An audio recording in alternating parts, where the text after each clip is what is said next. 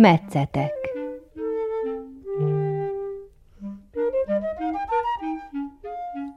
Kedves hallgatóink az Újvidéki Rádió három órás művelődési műsorát hallják.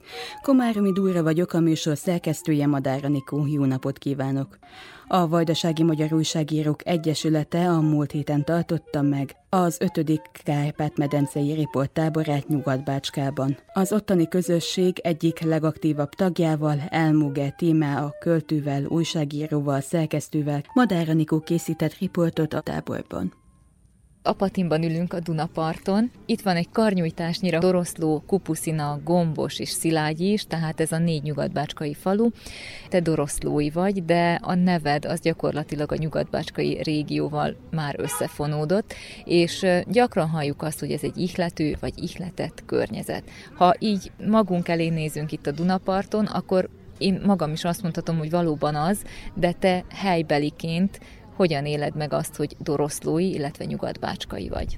Én nagyon szerencsésnek tartom magam, hogy ide születtem, és hát ugye szoktuk mondani, hogy nem véletlen az, hogy az ember hova születik, és hát valamiképpen azért hát talán főleg a szorványban küldetése is van az embernek, tehát felelősséggel tartozik talán fokozottan a, a környezetéért, a helyért, ahol él, a közösségéért, én ezt így élem meg, és mindehez egy nagyon-nagyon szép és impozáns keretet ad ez a természeti környezet, és akkor ugye talán Doroszlót említeném először a Doroszlói Szentkutat, a zarándok helyet, amelynek ugye a természeti környezete is nagyon szép, tehát ott van egy ilyen csatornaparti környezet, tehát sétálni is lehet, és, és az egésznek van egy, egy tényleg egy ilyen, egy ilyen szakrális töltete hangulata, amely gondolhatnánk, hogy számunkra természetes, hiszen nap mint nap megéljük, megélhetjük, mégis számunkra is nagy élmény mindig, és mindig mást ad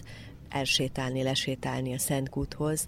Rendszeresen teszem is ezt egyébként, tehát bármilyen sorsfordító esemény előtt állok, vagy után vagyok, akkor ez, megejtem, ezt a, megejtem ezt a kis magánzarándoklatot. Aztán természetesen a Duna, és, és hát akár Kupuszina, vagy Bezdán, tehát szintén olyan helyek és települések, amelyeket érdemes a természeti környezet miatt is fölkeresni.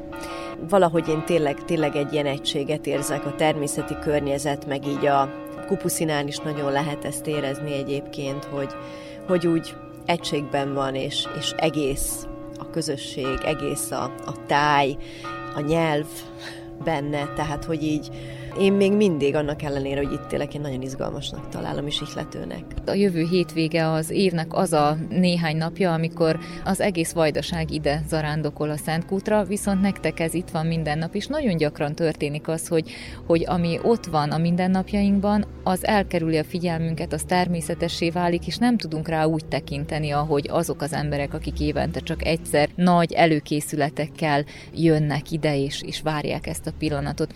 Hogy tudod a mindennapokban megőrizni azt, hogy, hogy ne veszítse el ez a különlegességét? Nem csak a Szent Kút, hanem úgy minden itt ebben a környezetben. Nyilván talán, mint mindennek a kulcsa, ez is így az embernek saját magában keresendő, hogy, hogy mindig megtalálja azokat a szelepeket, azokat a azokat a hát, módszereket, amelyek által megújulhat akár alkotóként, akár a mindennapi munkájában. Na most a Szent kapcsolatban el kell mondani, hogy egészen más hangulata van olyankor, amikor nincsen ott ember, tehát amikor elcsendesedik, elnéptelenedik, egészen más lehet megélni, és egészen más lehet megélni a tömeggel, a, a sok zarándokkal, a sok imádkozó emberrel, az nyilván, nyilván az a sok energia az a, összeadódik, és egy egész más hangulatot varázsolnak a vírasztó asszonyok, például a hetedikén, ugye a búcsú előestéjén, amikor ott végig virasztják az éjszakát, és hát én azt gondolom, hogy hogy azért elődeink nem csinálták azt bután, és nagyon okos volt tőlük azt, hogy minden, minden ünnepnapot és minden alkalmat tényleg megültek, megéltek. És valahogy én úgy érzem, hogy nekünk is itt Nyugat-Bácskában így a, megvannak ezek a hagyományos eseményeink is, amelyeket már ünnepként élünk meg, és az ünnepek, természetesen a vallási ünnepek, a népi ünnepek, ezek azok, amelyek megtartásával valamilyen keretet tudunk szabni a, a mindennapi életünknek, meg így a szellemi életünknek is szerintem. Nem véletlenül vannak a rítusok, a, a szertartások az ember életében, tehát biztos, hogy jelképes és egy gyakorlati szerepe is van ezeknek abban, hogy meg tudjunk újulni, és azt gondolom, hogy egymásból is nagyon sok energiát nyerünk, tehát hogy itt olyan élő közösségek vannak, tevékeny szórvány közösségek ezeken a hagyományőrző településeken is ugye fokozottan vannak ilyenek, amelyek hát éltetik a helyet, és hát mondom, egymás, egymásba is folyamatosan tartjuk a lelket, meg tartjuk a, az energiát, úgyhogy hát remélem, hogy ez még sokáig így maradhat.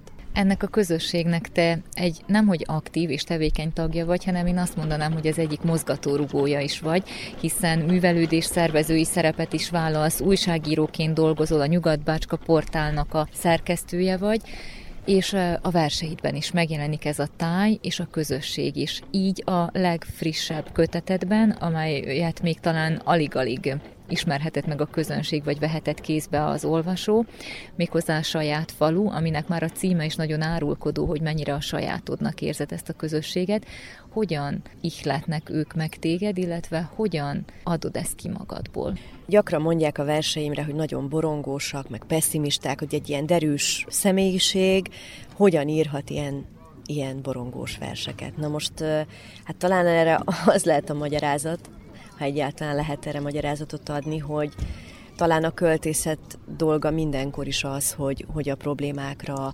rámutasson, és, és egyrészt az ugye, másrészt meg ugye esztétikai, meg, meg még sok minden más is, de hogy rámutasson azokra az emberi, vagy, vagy közösségi, vagy hát életízű problémákra, amelyek, amelyek körülvesznek bennünket, amelyek aktuálisak jelenleg.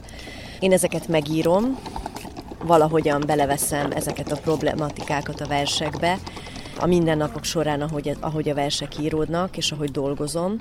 Viszont a munkámban pedig, a szervező munkámban, az újságírói munkámban pedig talán megpróbálok ezek ellen tenni, és ezekért, hogy ezek valami módon megoldódjanak.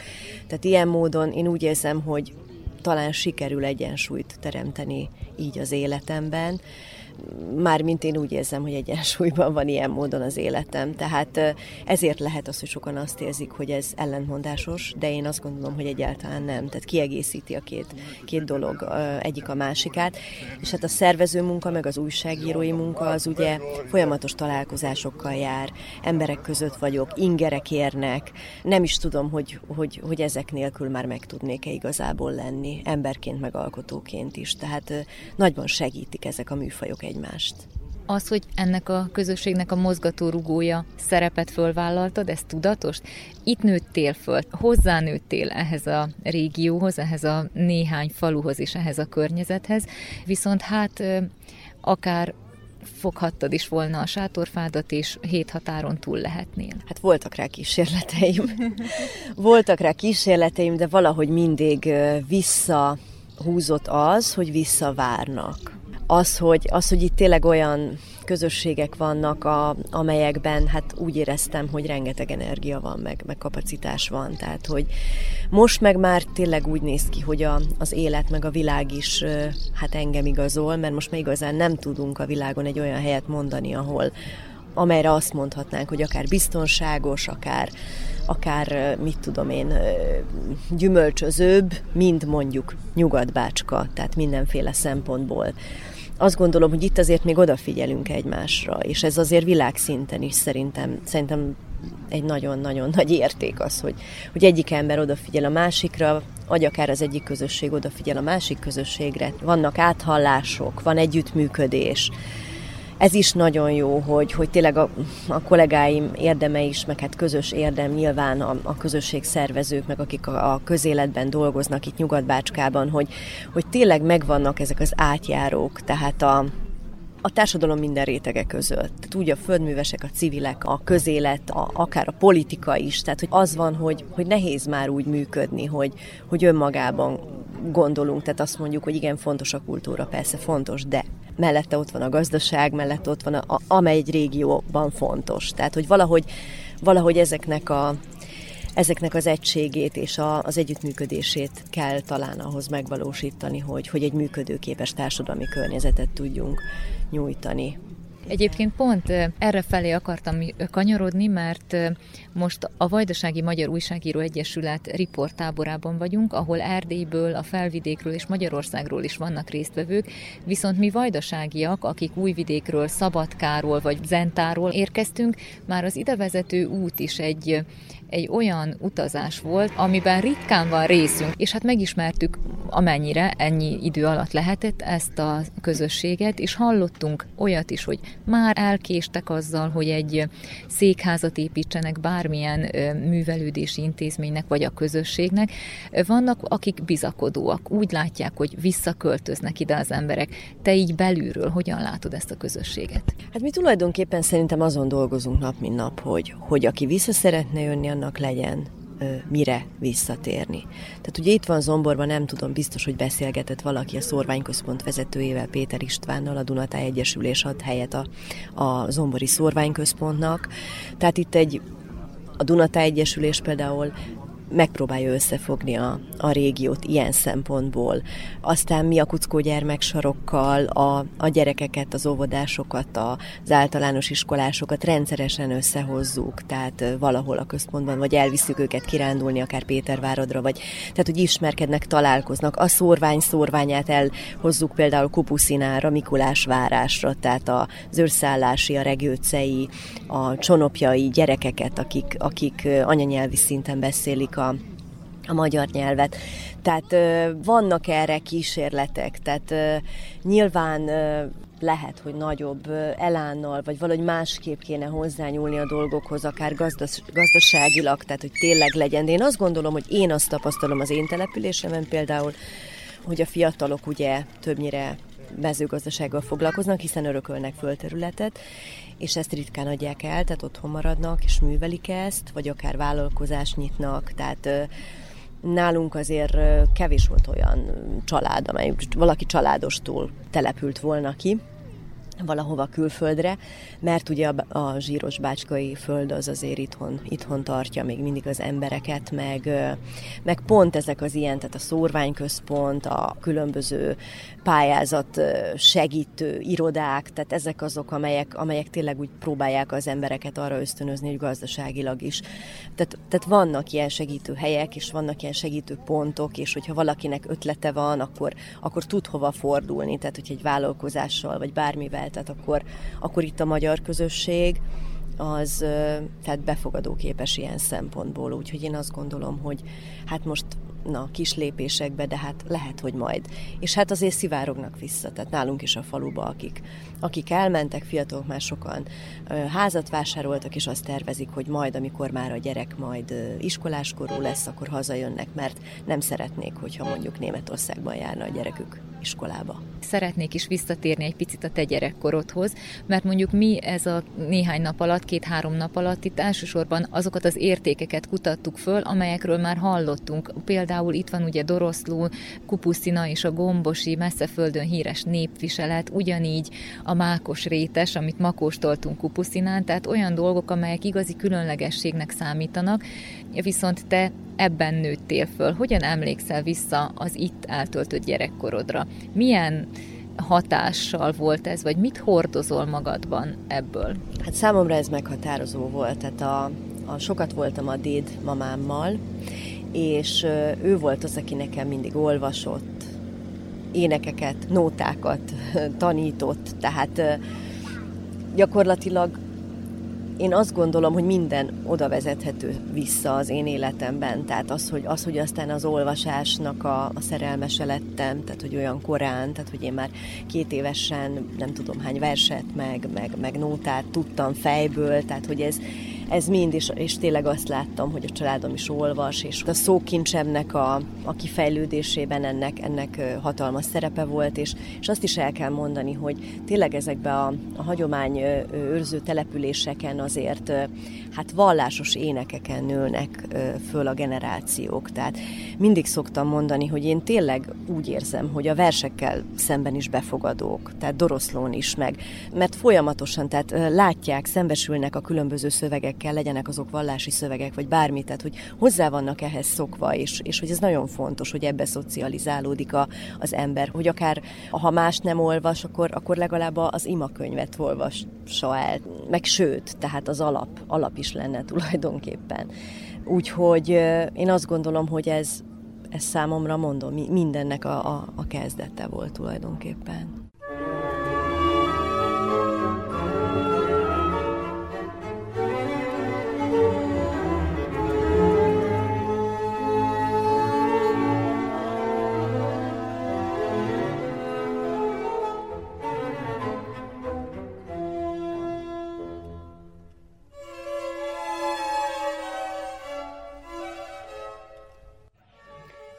Sirálya vetésben. Innen nem indulnak buszok, ide nem érkeznek buszok. Nem hiszem, hogy hazajutok. Otthon, sirálya vetésben, nem étlen, nem vétlen, nem boldog-boldogtalan sem. Innen nem indulnak buszok, ide nem érkezek, jutok.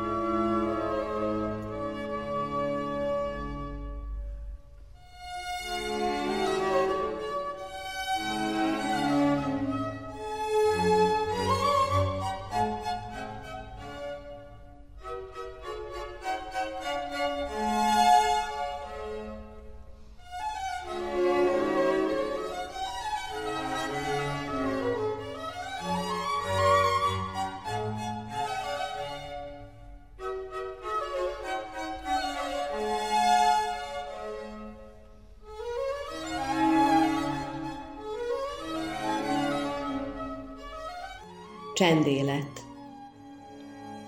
Falakból hiányzó téglák fölülmúlják az elmúlást.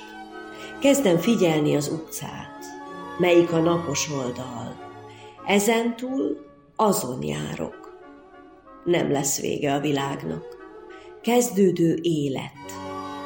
Egy középkorú csecsemő, Isten tudja hány éves, szavakból rakom össze testem templomát bárányok, felhővirágok, tavaszt zihálok, kistestű bánat. Nem altatom, altatom el a vágyat, ember szabás.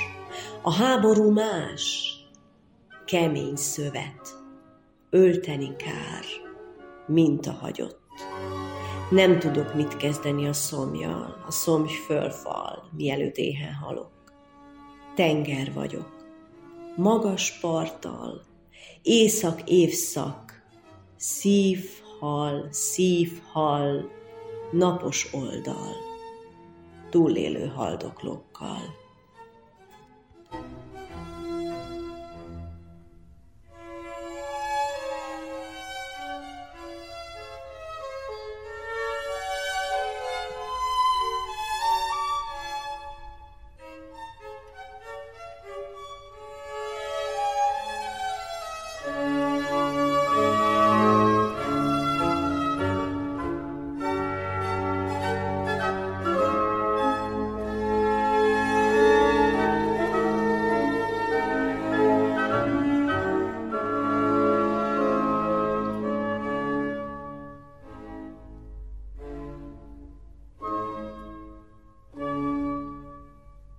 Elmóger Tíme a költővel, újságíróval, szerkesztővel beszélgetünk. A költészetedet már érintettük, illetve említettem a legújabb verses kötetedet, de akkor engedd meg, hogy a költői énedet is behozzuk ebbe a beszélgetésbe. Egy-egy kötetben betekintést engedsz nem csak a szűkebb környezetednek, hanem a jóval tágabbnak is a lelki világodba. Mi az, ami, ami téged megihlet általában, és hogyan gyűlik egy-egy kötet össze. Tehát ez a mostani saját falu. Korábban falvédő szövegek, az volt ugye az előző. Én vers folyamként, egy kicsit vers folyamként élem meg a köteteimet, meg most tényleg ez az ötödik, ez egy picit olyan visszanéző azért nekem is, hogy úgy átértékelem talán magamat is, meg, meg azt, amit eddig írtam.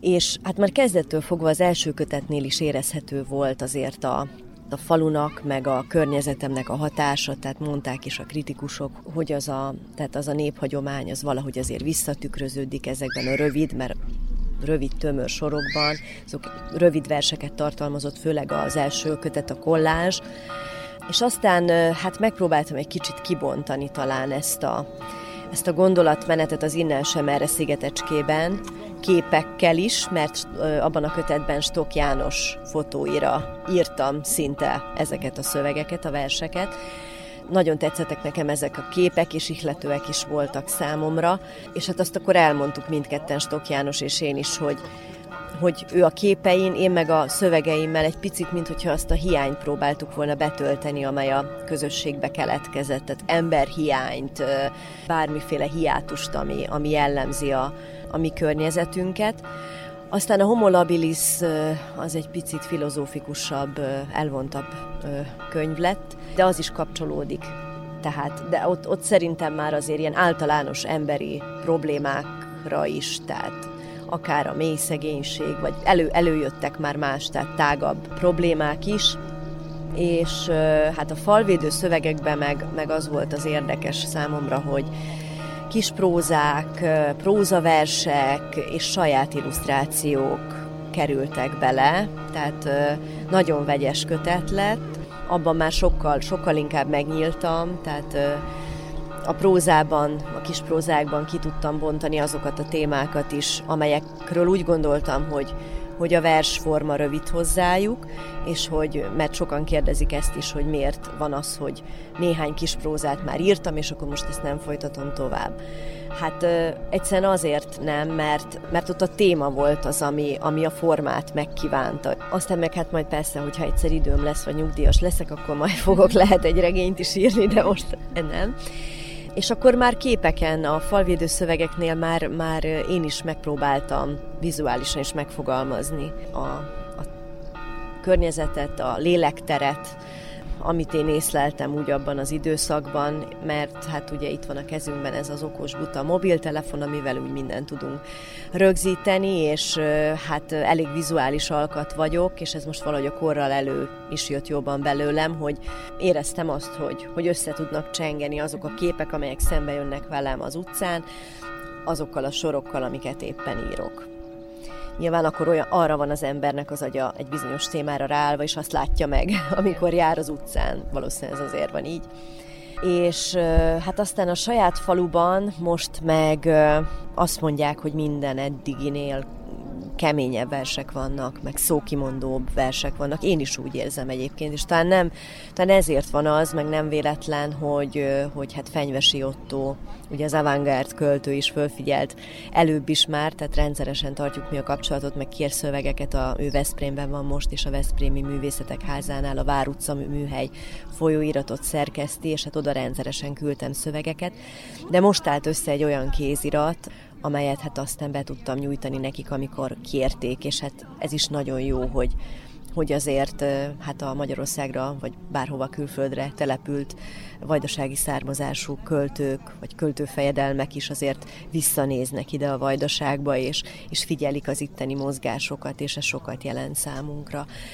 Úgyhogy a saját falu meg most hát tényleg ilyen megmondós, megmondós könyv lett, de, de talán hát most jók az olvasói visszajelzések, nem arról szólnak, hogy a tutit akartam volna megmondani, hanem, hanem épp arról, hogy van is egy ilyen ciklus, hogy programversek, ez kicsit ilyen fanyargunnyal, hogy, hogy tényleg már mindent annyira beprogramozunk az életünkben, és annyira projektekbe gondolkodunk, hogy elveszik valahol a, a spontaneitás, meg, meg szó van ebben a kötetben még az életközépi válságról is, amit én hát nyilván nem véletlenül, mert hogy abban az életkorban vagyok, de hogy tényleg talán ebben az életkorban van az, hogy, hogy, hogy úgy az ember elgondolkodik, hogy már meddig jutott, és hogy, hogy mi van még hátra, és hogyan érdemes okosan, vagy kicsit jobban élni.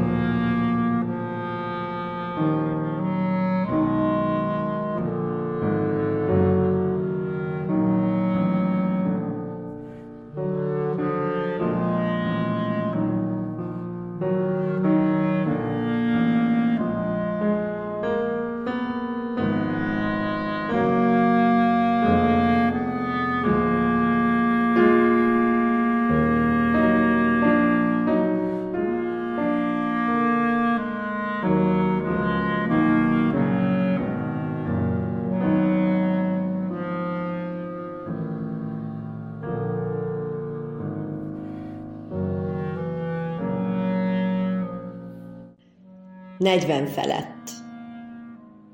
40 felett a szerelemnek nyers hús szaga van. Maga megy hatalmas hantában, a karomat széttárom és elviszem ólomlábon. Jön, megy a tavasz, szemem fakítja a nap, hátamban a szél forgatja a kést. A bordák húsba állnak, az elmúlással nincs vége a világnak. 40 felett jó lenne hozzám bújni a puhára esést megtanulni, ha kevés a szeretet, szeretni eleget. Negyven felett nem illik az asztaltól felállni. Nem kivárni, amíg felfordul a gyomor, még utol ér a léleknyomor. Negyven felett már el lehet várni. Nyomják testemet a falnak, amikor szeretni akarnak. Nincs sok idő. Amíg erő van, ne bánts, megadom magam.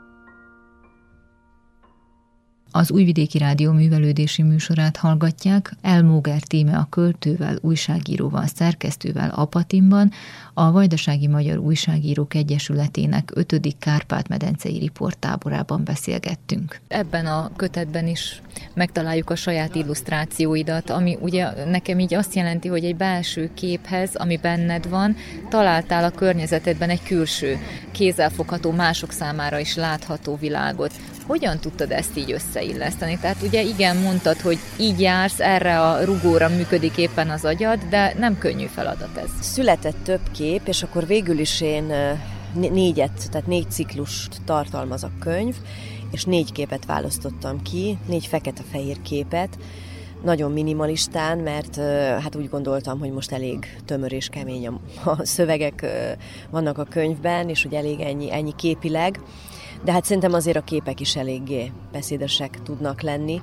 Épületek vannak ezeken a képeken, pusztuló, doroszlói házak, épületek, vagy rosszabb állapotban lévő épületek, és ezeket a képeket fotomanipuláció során ötvöztem természeti képekkel, szintén helyi, tehát környezeti képekkel, és mindegy ellensúlyozva ezt, tehát hogy a pusztulás és az élet, a természetnek a, az éltető ereje, tehát hogy valahogy az egyensúlyra akartam ezzel is rávilágítani, hogy talán ezt kéne valahogy megtalálni, meg ö, árnyékok, emberek árnyéka vetül egy-egy képre, ez pedig talán azt akarja üzenni, hogy felelősek vagyunk a helyért, ahol élünk, a környezetért, amelyben élünk. Tehát, hogy szolgál minket valamilyen szinten a hely, a természet, de hogy azért de hogy azért mi vagyunk a felelősek, hogy merre lesz a sorsa úgy a közösségnek, környezetnek, mint, mint akár a,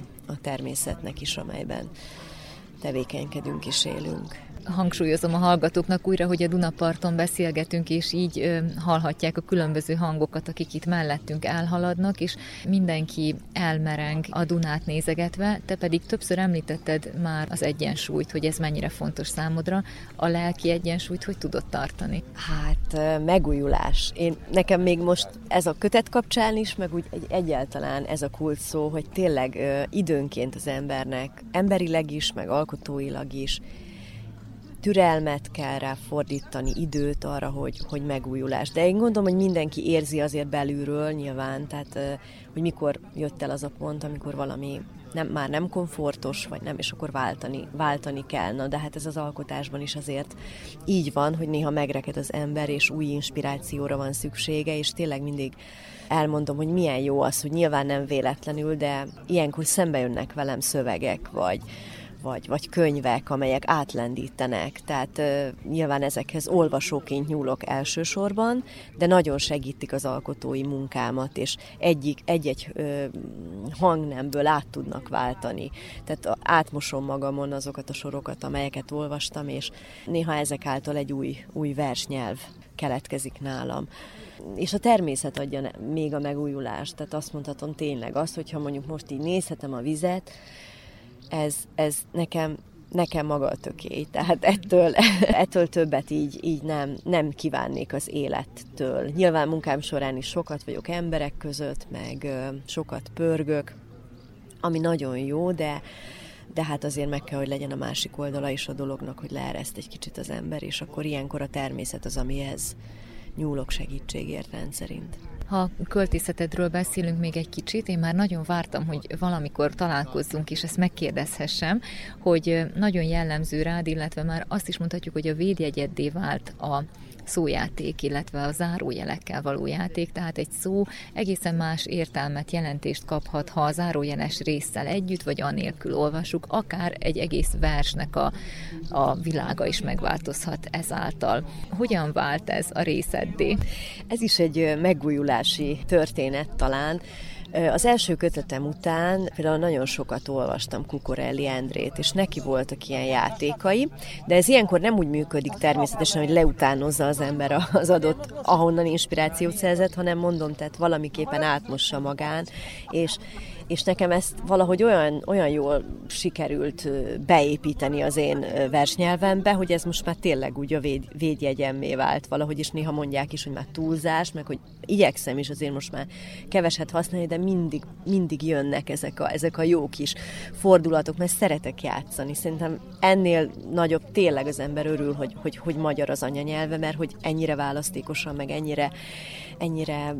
És aztán most tegnap volt Zentán bemutató, és Széke István zongora művésszel csináltunk improvizációkat, felolvastam, és ő, ő játszott talán zongorán, és pont ő említette, hogy de azért azt kevesen tudják, hogy ezekben az árójeles formákban zenei polifónia, tehát amiket én csinálok, ezekben zenei polifónia fedezhető fel. Na hát ezt például nem tudtam, és nem volt szándékos, nem egyáltalán nem tudatos. Úgyhogy külön örülök, hogyha, na de a zeneiség is azért az mindig jellemző, a ritmusosság a verseimre. Még akkor is, hogyha szabad verseket írok, és nem kötött formában, de azért mindig ott van a ritmus valamiképpen. És ha már a zenét említed, akkor azt is meg kell említenünk, hogy a verseid más művészeti ágakat is megihletnek, illetve össze tudod kapcsolni, vagy más művészek össze tudják kapcsolni a saját nyelvezetüket a tiéddel.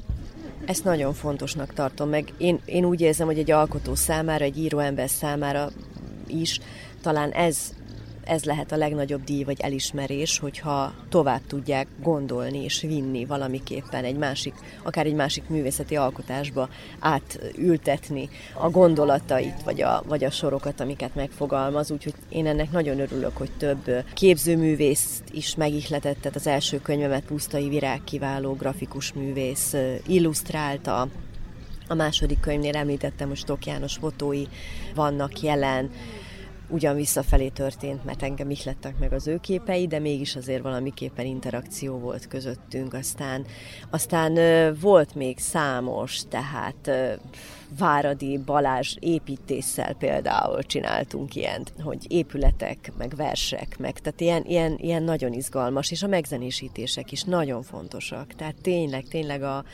Doroszlóról is volt egy nagyon jó formáció, a Hobby Band, sajnos ők már feloszlottak, de az egyik tag, Dosztán László még mindig foglalkozik vers megzenéssítéssel, ő is, ő is megzenésítette egy versemet, és Kónya Sándor volt, aki egy tucat versemet megzenésítette tulajdonképpen, úgyhogy neki nagyon sokat köszönhetek a versek népszerűsítése terén nyilván. Vagy akár a, ők is már sajnos felosztottak, a Tornyosi Mosoly, Mosoly versénekes csoport, akik, akik szintén, amikor még nem volt kötetem, ők, ők akkor is láttak valamit bennem, és egy csokor versemet így színpadra vitték Kónya Sándorral együtt, és, és hát ezek, na hát ezek a legszebb, legszebb dolgok egy alkotó számára.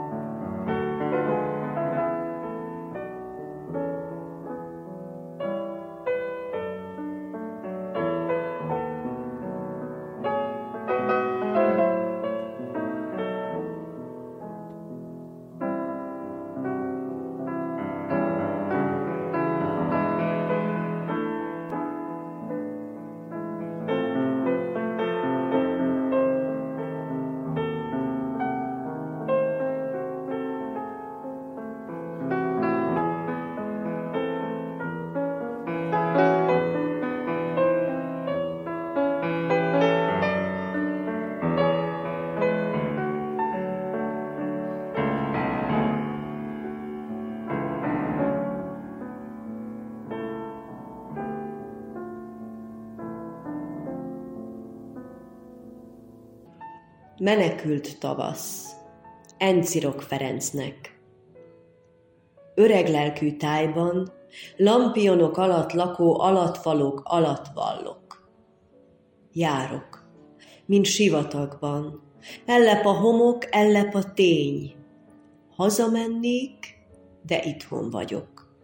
Kibeszélt, agyon hallgatott, szabad szolga, kedves halott, temetnek varjak hebegnek. Nem tudják, milyen az igény befordulni a nagymama utcájába, nem tudhatjuk, milyen ide menekülni, és nem tudni azt, milyen befordulni az utcába, amely sok mindenre emlékezteti azokat, akik innen menekültek. Nyárból télbe fagyva, soha vissza nem térő tavaszba.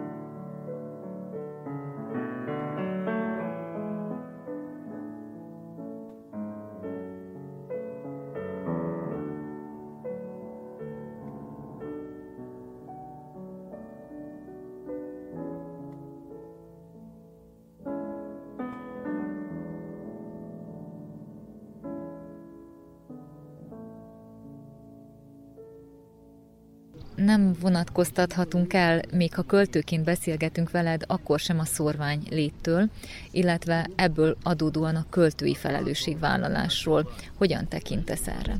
Hát én azt gondolom, hogy ahogy az, elő, az előzőekben is elmondtam, tehát hogy én, én tényleg eddig, az eddigi kötetek valójában ezt próbálták, ezt a sors, sors közösséget, amit itt egymással, meg egymásért vállalunk, ezt próbálták megfogalmazni. És akkor most itt ebben a, a saját falu kötetben tényleg szó van a, mondjuk Doroszlón is, tehát nagyok a, nagyok a szociális szakadékok. Tehát azért mondtam, egy gazdag településről van szó, tehát jó szántóföldekkel, jó minőségű szántóföldekkel és nagy néphagyományjal, de ugyanakkor a, az etnikai összetétele az már jelentősen megváltozott, és, és bizony hát jelentős roma populáció él Doroszlón, és akkor el lehet gondolni, hogy most már azért a szociális szakadékok is azért megkorák, és hogy, hogy megvannak és egy egészen más, hát jelleget kapott tulajdonképpen ezáltal a falu.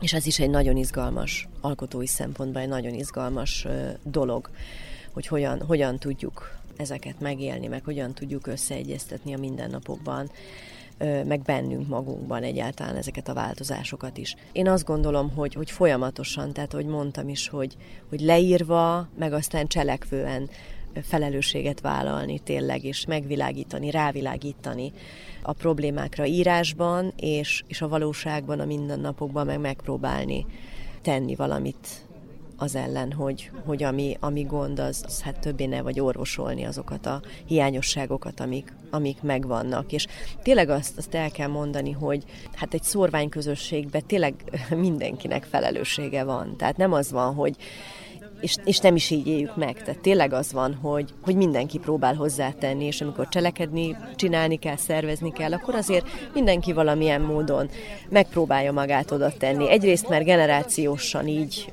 így szocializálódott, tehát most is épp a kollégák is mondták a táborban, hogy milyen jó ez, hogy, hogy tényleg bárkit megszólítanak, és akkor rögtön lehet hozzá menni, lehet interjúkat készíteni. Hozzá vannak itt az emberek szokva tulajdonképpen, hogy, hogy egyrészt segítőkészek, vendégszeretők, másrészt, hogy meséljenek magukról, és megmutassák magukat. Tehát van ennek egy ilyen szocializációs hát pozitív ö, hozadéka talán, hogy, hogy, hogy mindenki úgy beleteszi a, tényleg, tényleg a magáét. És még egy téma jut eszembe, ami, ami megjelenik nálad, vagy közvetlen, vagy közvetett formában, a, a női szerepek ami szintén foglalkoztat, és hát gondolom, hogy egy ilyen hagyományőrző közösségben a női szerepekre is talán másképp tekintenek, mint, mint mondjuk a feminista mozgalmaknak a hívei. Hát bizony. Hát szoktam mondani, hogy annyiban írok talán női verseket, hogy nőként írom. Meg most már egyre keményebbeket, meg egyre, tehát, de mégis azért ott van a női attitűd. Hát persze, hogy ott van, mikor nő írja, tehát elengedhetetlen, nyilván. De Hát igen, a költészetben még csak-csak boldogulok ezzel.